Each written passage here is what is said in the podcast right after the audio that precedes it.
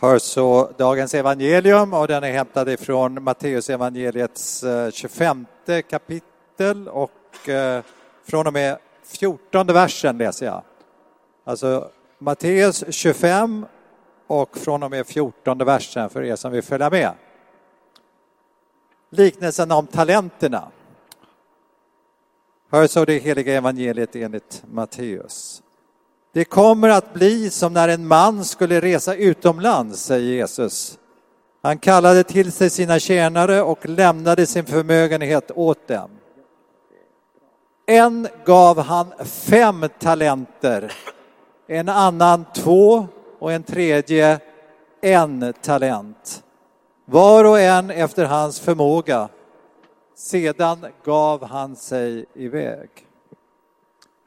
Den som hade fem talenter gick genast och satte dem i omlopp och tjänade fem talenter till. Den som hade två talenter tjänade på samma sätt två till. Men den som fått en talent gick och grävde ner den i marken och gömde sin herres pengar. En lång tid därefter kom tjänarnas herre och krävde redovisning av dem. Den som hade fått fem talenter kom då och lämnade fram fem talenter till och sa Herre, fem talenter överlämnar du åt mig. Nu har jag tjänat fem till. Hans herre sa till honom Bra, du gode och trogne tjänare. Du har varit trogen i det lilla och jag ska sätta dig över mycket. Gå in i din herres glädje. Så kom den som hade fått två talenter fram och sa Herre, två talenter överlämnade du åt mig. Här är två till som jag har tjänat. Hans herre sa till honom Bra, du gode och trogne tjänare. Du har varit trogen i det lilla och jag ska sätta dig över mycket. Gå in i din herres tjänare. Glädje. Också den som hade fått en talent kom fram. Han sa Herre, jag vet att du är en hård man som skördar där du inte har sått och samlar in där du inte har strött ut. Av fruktan för dig gick jag och gömde din talent i jorden. Här har du vad som är ditt. Hans herre svarade honom, du onde och late tjänare. Du visste att jag skördar där jag inte har sått och samlar in där jag inte har strött ut. Du borde ha satt in pengarna i en bank så att jag hade fått igen det som är mitt med ränta när jag kom. Ta därför ifrån honom talenten och ge den åt honom som har tio talenter. Ty var och en som har skall få, och det är överflöd, men den som inget har, från honom ska tas också det som han har. Så lyder det heliga evangeliet. Lovad vare du, Kristus. Den här texten, den är ju inte bara enkel. Den förtjänar egentligen en riktigt textutläggande predikan. Så den måste jag komma tillbaka till lite senare, för jag kommer främst använda den som ett backdrop idag inför det jag ska tala om. Och jag hoppas att du eh, ikväll innan du går och lägger dig så kan du googla, läsa några bibelkommentarer om den, för det finns så mycket viktiga saker att få med sig i den texten. Några saker som jag vill lyfta upp innan vi fortsätter från den här texten eh, är följande. Jesus han berättar tre liknelser på raken och det här är en, den som ligger i mitten. De handlar alla om att Jesus faktiskt kommer komma tillbaka en dag till oss och hämta oss. Det är ett budskap om att du och jag ska använda vår tid väl. Det är en liknelse som handlar om att tänk på hur du prioriterar och hur du investerar i ditt jordeliv. Talenter var överskriften. Och ordet, det moderna ordet talang som vi använder härstammar just från det. Talangförmågor, förutsättningar som du och jag eh, fått. Och den här texten handlar om att vad vi gör med dem, hur vi förvaltar dem. Och vi har alla fått förmågor, olika förutsättningar. Det ser väldigt olika ut. I den här skaran ser det väldigt olika ut, precis som det är tänkt. För vi ska göra väldigt många olika saker. Men alla har sitt ursprung i Gud. Jag kan inte säga det här är jag så otroligt bra på. Allt som jag har fått är faktiskt givet mig av skaparen. Och det gäller dig också. Och det där ska vi vara otroligt stolta och tacksamma över. Men vår Herre han förväntar sig också att vi gör någonting gott av det. Att vi inte i nonchalans gör lite vad vi vill. Utan det här är också en liknelse som Ivan läste som handlar om att vad vi gör med det vi har fått. Att vi ser det vackra i vi fått. Att vi ser det vackra i vilka vi är. Och att vi också inser att det kommer en belöning. Det kommer en sån glädje i när vi investerar det på ett gott sätt. Så där fick ni med er sju olika saker från den här texten. Rubriken jag har valt för idag är, är ni beredda? Den som följer Jesus får alltid kall till ledarskap. Och Elias, det var precis det du var inne på. Du sa, jag är drogfri nu. Och så upplevde du att Gud sa till dig, gå tillbaka till tolvstegsprogrammet där du kunde bli tränad och formad. För att det inte bara för din egen lycka nu går i din styrka, utan för att du kunde ta vara på det och faktiskt tränas och sen bara ge det vidare. Det är exakt det här som texten handlar om, att ge vidare det man har fått. Och det har inte tagit många månader. Du har inte väntat fem, sex, sju år för att bli slipad och professionell. Du bara gör det direkt. Ledarskap, vad får du för associationer när du hör det ordet? Det är säkert lika många associationer som vi antal människor här idag. För mig idag så har jag ett väldigt eh, bra förhållande till ordet ledarskap. Jag tycker det är något vackert. Jag ser funktionen av att eh, liksom, när det fungerar, vad otroligt viktigt eh, det är. Jesus satte ett fantastiskt exempel på för alla oss vad gäller ledarskap. Och det här jag ska tala om idag är inte främst ledarskapet när man står här uppe inför tusentals människor, utan det handlar om det ledarskapet som du och jag är kallade till i vår vardag. Jag är pastor i Missio Dei-kyrkan och Missio Dei är en teologisk term, term som just handlar om att Gud sände sin, Gud fader sände sin son till världen. Jesus sände den helige ande till oss och sände vår, oss som kyrka eh, ut till världen. Inte bara för att göra mission, utan för att vara mission. Genom våra liv så är vi, det är det viktiga. Så allt jag säger om ledarskap handlar faktiskt om den respons som vi vill ge till Gud utifrån det som han redan har gjort för oss. Så det är lite grunden som vi står på när jag sätter igång. Är ni beredda? Ni har inget val, så ni bara får följa med här. En liten bild på mig här, fyllda sex år i förskoleklass.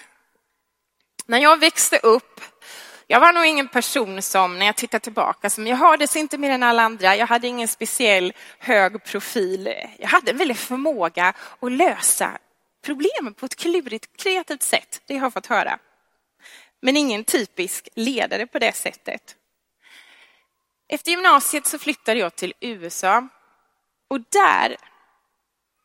Jag kan inte beskriva det annat än att där fick Gud ett riktigt bra tillfälle att få tag på mig. Jag var långt bort från familj, långt bort från vänner och hamnade i ett läge där jag blev väldigt beroende av Gud. Och det tog han vara på. Och där föddes en överlåtelse i mig som jag inte hade haft innan. Och det blev början på något nytt. Det blev början på någon, en resa, en process i mig där jag började inse att jag verkligen hade fått någonting att förvalta. Inte utifrån en position jag hade fått, utan utifrån den jag var och det vad Gud hade gjort i mig. Och att det var verkligen hög tid att jag levde ut det mer.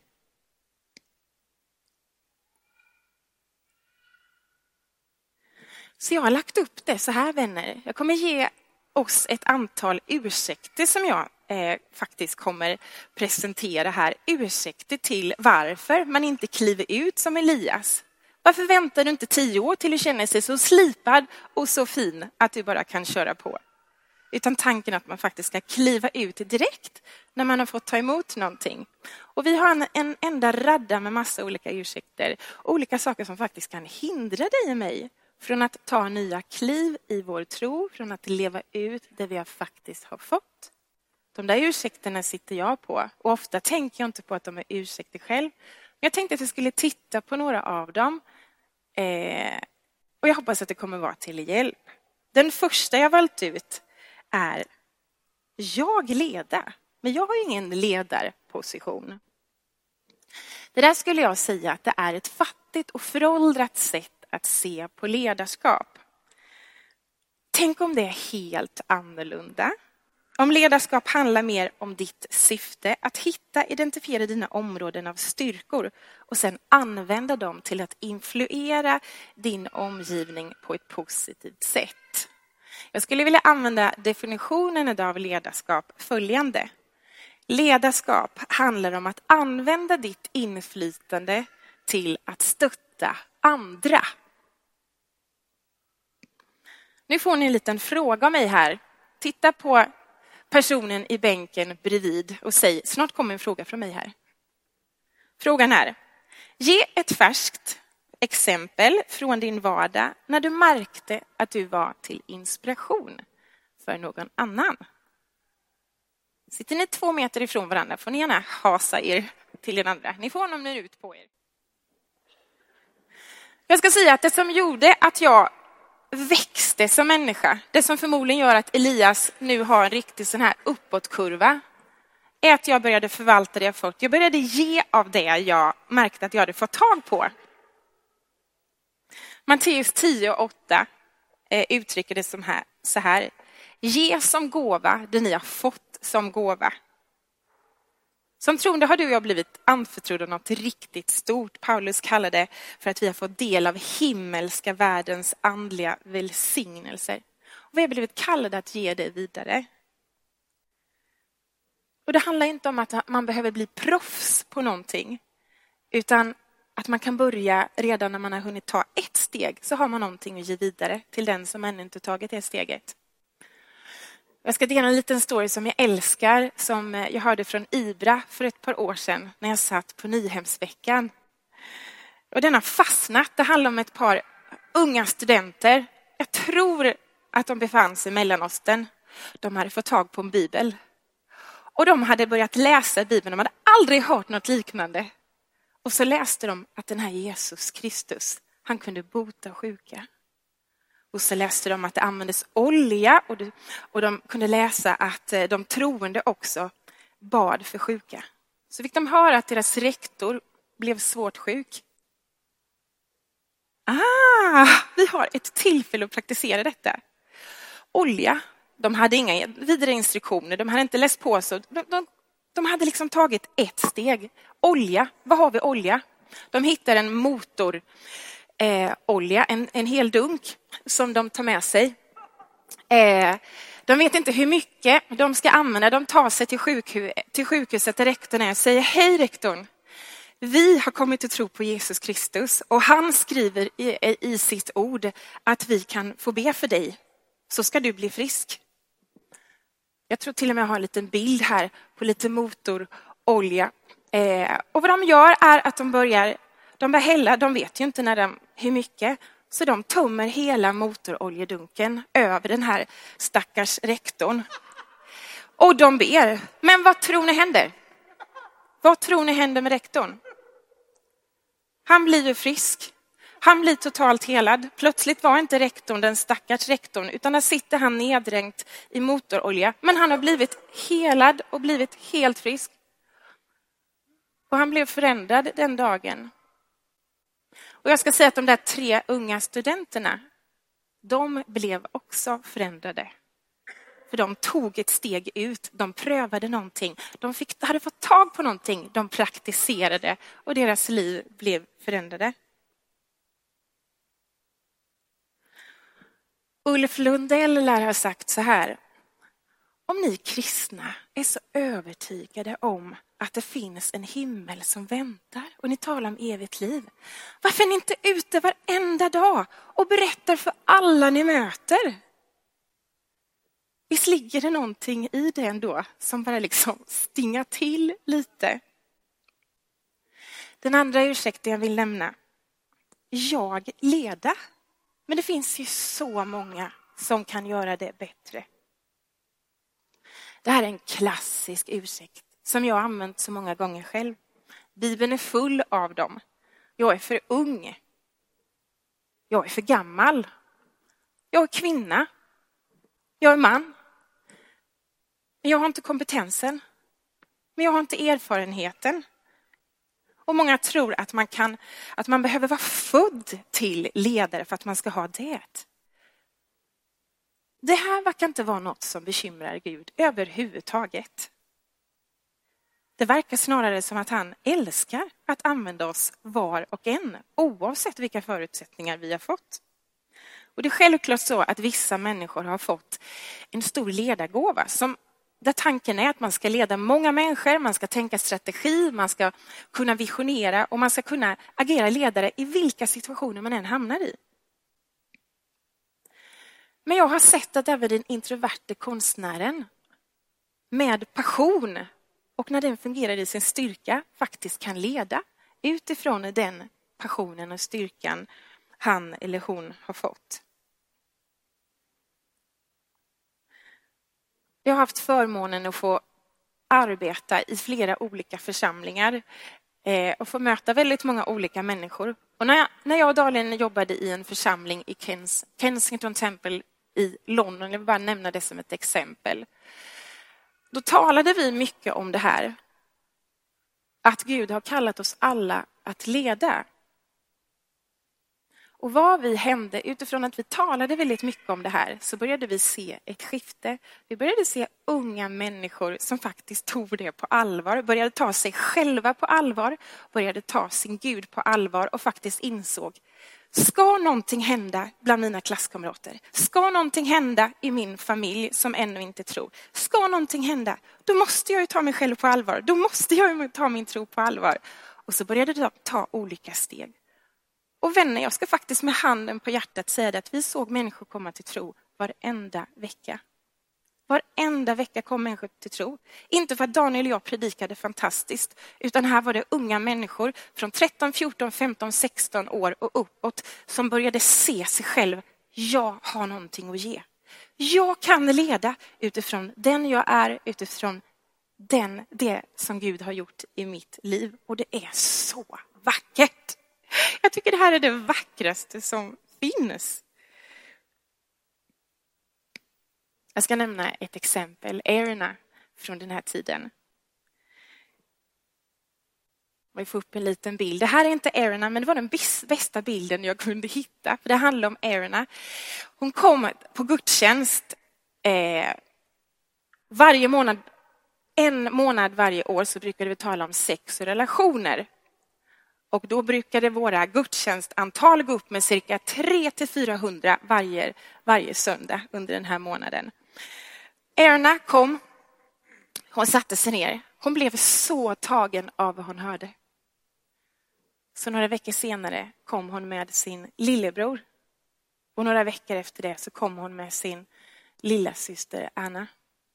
Och de här tre i syskonskaran, de började de blev troende, de gav sina liv till Jesus. De upptäckte någonting och vad de upptäckte var också, wow, jag har någonting att ge. Och de började påverka sin omgivning. Erna pluggade till journalist. Vi hade haft eh, en ny nationsgrupp, en skolevangelisationsgrupp och hon hade blivit så inspirerad som tänkte jag bara måste göra någonting. Hon bodde i Camden Town. Hon älskade blommor hennes favoritfärg var gult. Så hon gick och köpte massor av gula blommor. Så ställde hon sig vid Camden Town vid tunnelbanan. Och så började hon dela ut blommor. För hon bara ville göra någonting. Visa sin omvärld kärlek. När hon fick ett ganska prestigefyllt jobb på eh, en eh, nyhetsredaktion efter ett tag så tänkte hon jag bara måste göra någonting. Hon köpte några gula blommor och så gick hon dit tidigare än alla andra och så satte hon en blomma och så skrev hon ett meddelande till alla. Och man kan tänka det här, vad futtigt, vadå blommor? Det inledde, hon, gjorde, hon tog ett litet initiativ som ledde till samtal efter samtal efter samtal. Och det handlar om att bara göra något litet för att sätta igång någonting. Att bara ge det man har fått för att man ska se en, eh, ett litet skeende. Ursäkt 3. Men Bibeln talar väl inte främst om ledarskap? Bibeln talar ju så mycket om att bli efterföljare, eller hur?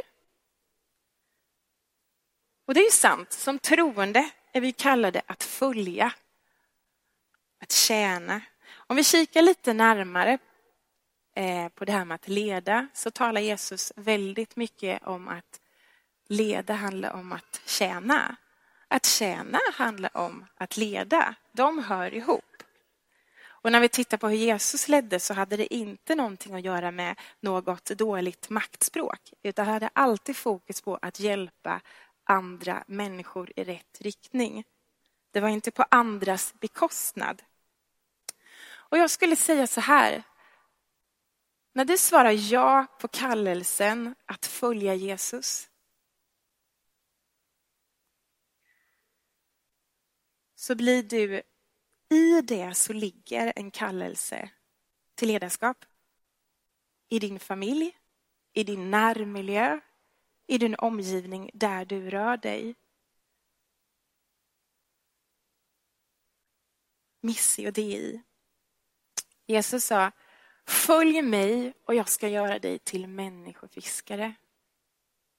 Följ mig och jag ska göra dig till människofiskare. Hör ni vilket ledarskap det ligger i dig? Börja med att följa mig, bli mer lik mig. Jag vill dra dig nära dig och jag vill att du ska mogna, jag vill att du ska utvecklas för du har så mycket att ge. Du får inte hålla inne på det som jag vill göra i dig. Men när du ger det vidare, då kommer det påverka din omgivning. Och då kommer du inse att människor leds av dig för att du leder.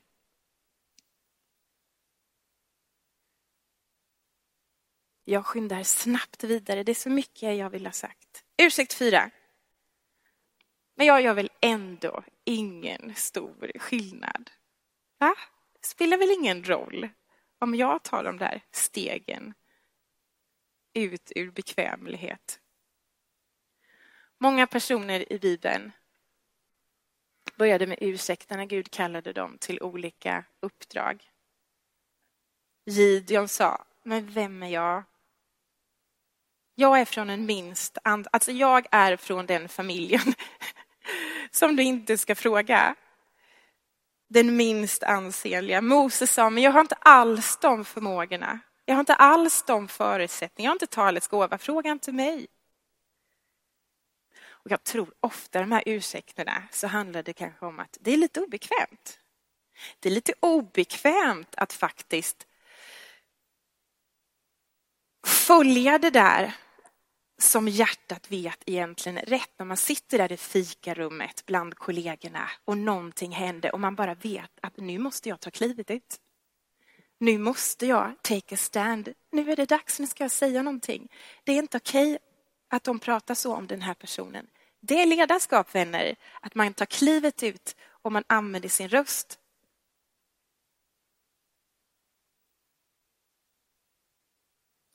Den kristna tron är ju ingen privat religion. Vi kallar Guds församling för Kristi kropp. Och det är så tydligt att vi ska vara i ett, i ett vackert beroende av varandra.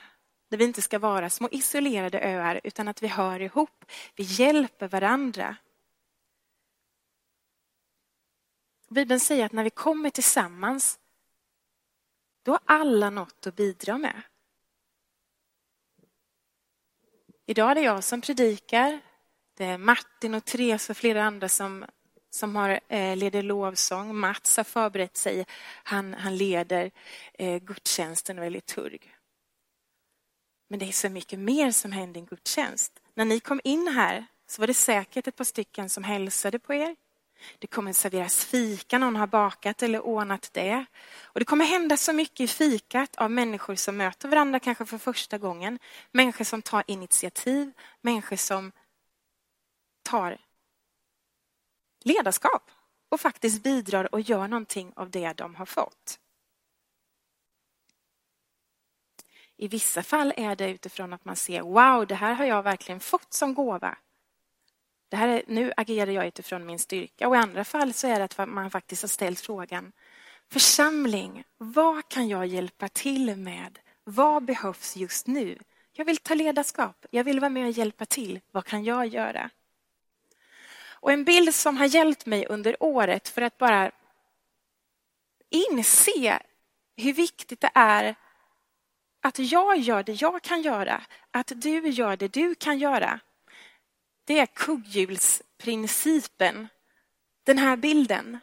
Se dig själv som ett av de här hjulen och att hela maskineriet bara snurrar. Alla är i synk med varandra.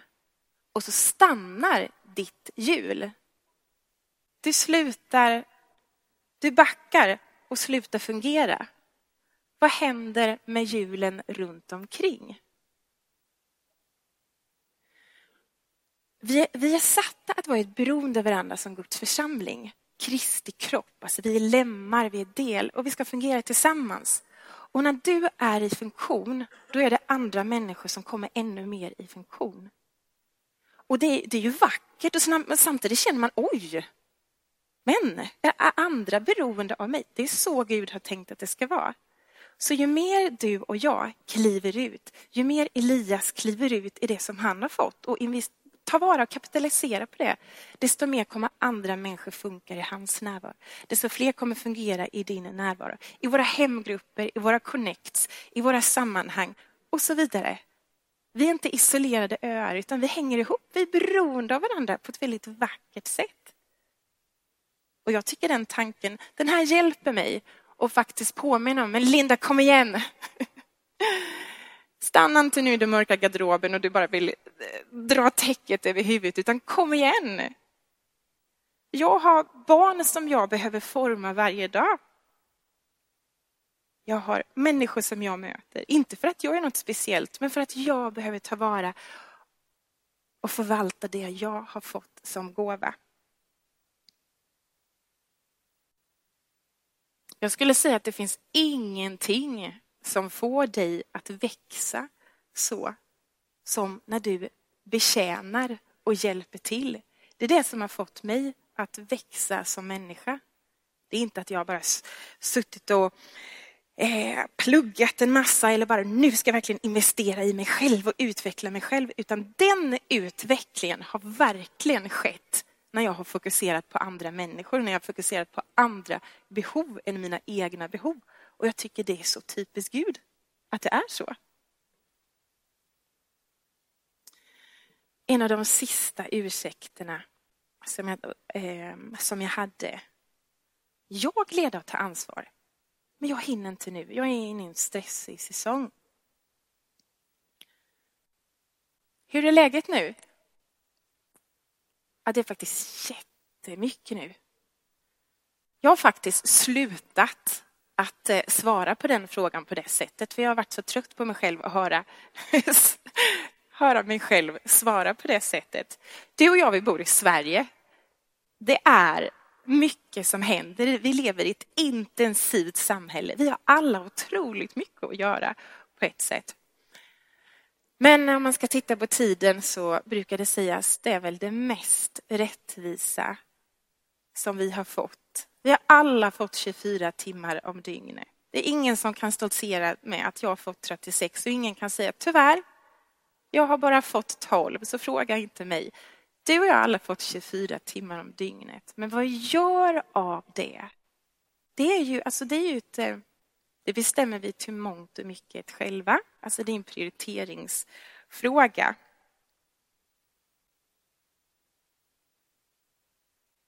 ska läsa tre, fyra rader här. För den här texten som vi läste innan om talenterna, det handlar ju väldigt mycket om prioriteringar.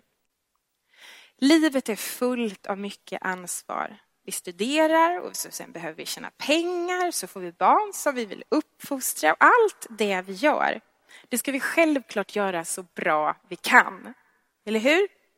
Men vi behöver komma ihåg att det som har ett evighetsvärde, det är inte karriärsteget. Det är inte den höga säljbonusen eller utmärkelsen. Vad som, är, vad som har ett evighetsvärde, det är hur vi låter Gud använda oss i de liv vi lever. Och i Missionärskyrkan så pratar vi mycket om att leva integrerade liv för att vi ser att det är någonting vi behöver. Vi försöker att inte se våra liv som massa olika tårtbitar. Här har vi familjen, här har jag vännerna, här har jag jobbet och karriären. Och det andliga livet och kyrka, söndag och så vidare till massa olika tårtbitar. Utan om man kan se det lite mer som en helhet, att när jag går, vaknar upp på måndagen så är jag ju samma gamla Linda. Med de människorna jag möter så är jag ju... Då vill jag gå fram och vara smittas med det jag är. Jag vill inte bara komma en söndag och ha en inspirerande predikan. Min förhoppning är ju att den tonen som jag har i mitt liv ska höras varje dag, måndag, tisdag, onsdag, torsdag, fredag. När jag lägger mina barn på, på torsdagskvällen, då vill jag ju forma dem och då vill jag att de ska höra den tonen som, av den sången som Jesus har börjat sjunga i mitt liv. Eh, den tonen vill jag ju sjunga med dem. När jag möter människor, eh, för jag jobbar både som, jag jobbar som pastor och jag har anställning i församlingen, men jag har också andra uppdrag när jag möter en massa olika människor i många olika sammanhang. Och där vill jag ju andas Kristus. Jag vill inte vara någon annan där och då vill jag ju komma fram och smaka likadant som om jag är här. Det tror jag är det som är tanken för var och en av oss.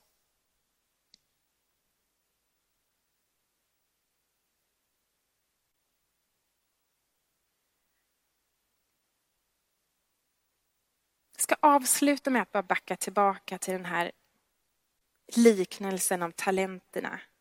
Det stod att en man hade fått fem talenter och han använde dem på det sättet. Det stod att han genast gick och gjorde affärer av dem och tjänade ihop fem talenter till.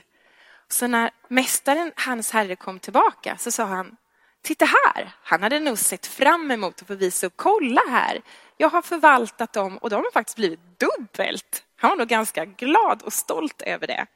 Den andra mannen hade fått två talenter. Och han sa, jag har investerat dem på det här sättet och de har blivit fyra. Jag tror att han var glad, jag tror att han hade sett fram emot att få möta sin eh, herre och, och, och, säga kolla, han var nog förvånad själv, jag har faktiskt dubblerat det där.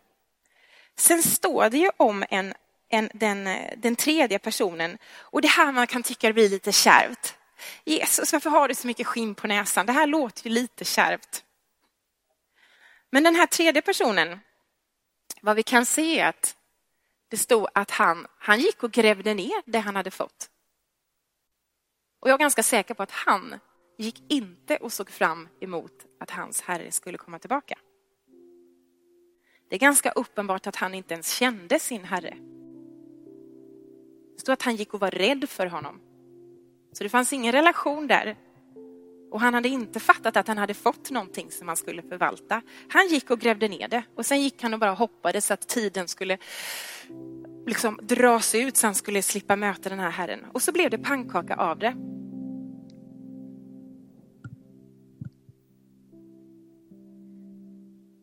Det ligger ju lite risktagande i det här. Att stiga ut. Det hade varit lätt för Elias att bara tänka på sig själv och nu har jag haft det så tuffa 20 år. Nu måste jag bara foka på mig själv. Men det ligger någonting så vackert i evangeliet. När Gud Fadern sände sin son till världen, han sänder ut honom. för att rädda en hel värld. Han ger sin son för att rädda hela världen. Men det är ett risktagande som du och jag behöver göra för att kliva ut i det. Jag skickar med en sista fråga. Hur skulle du mer leva ut ditt ledarskap för Guds skull i din vardag om du visste att du inte skulle misslyckas?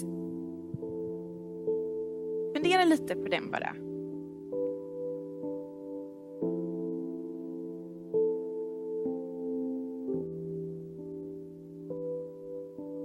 Och det vackra är att du och jag har ingen aning om hur saker blir bra eller inte.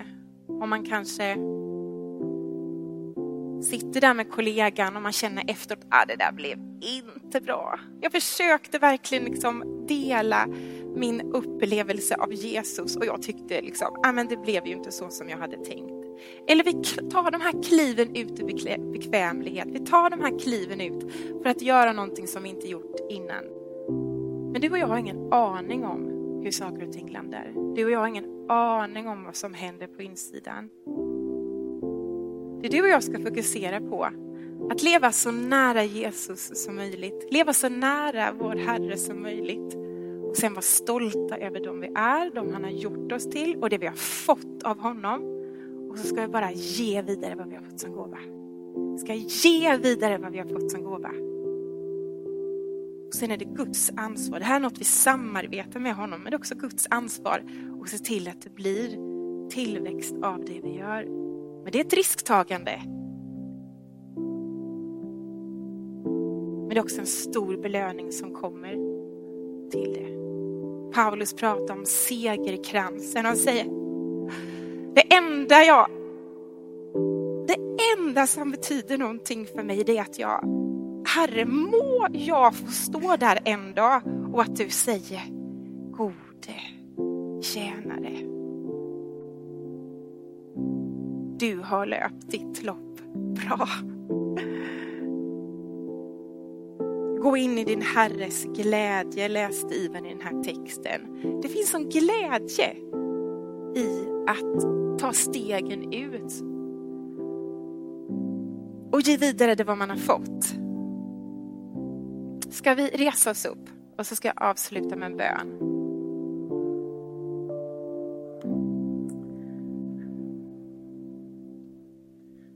Tack Jesus för den du är. Tack för alla risker som du tog för vår skull. Tack för allt som du tillät dig att gå igenom under de här åren som du gick på jorden. Och när du gick där mot Golgata så visste du vad som väntade. Men du bestämde dig för att bara se bortom korset och se på den seger som väntade där borta. Och Herre, det är en, det är en seger som vi kan titta på idag, Herre. När vi lever i ett sekulerat Sverige, Herre, som inte alls har något fokus på Gud, utan är som har vänt sig bort från Gud så kan vi bara få påminnas om varje dag att du, Herre, är vår Gud. Du är levande och verksam och du vill beröra vår omvärld. Och du vill börja med att beröra oss på vår insida, göra ett verk där som vi bara får leva ut dag efter dag. Må din goda vilja ske i våra liv. Må din goda vilja ske i vår älskade huvudstad Stockholm.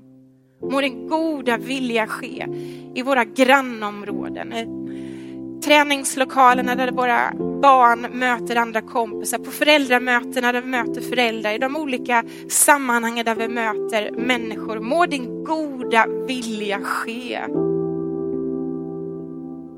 Och hjälp oss att vara modiga för dig. I Jesu namn. Amen.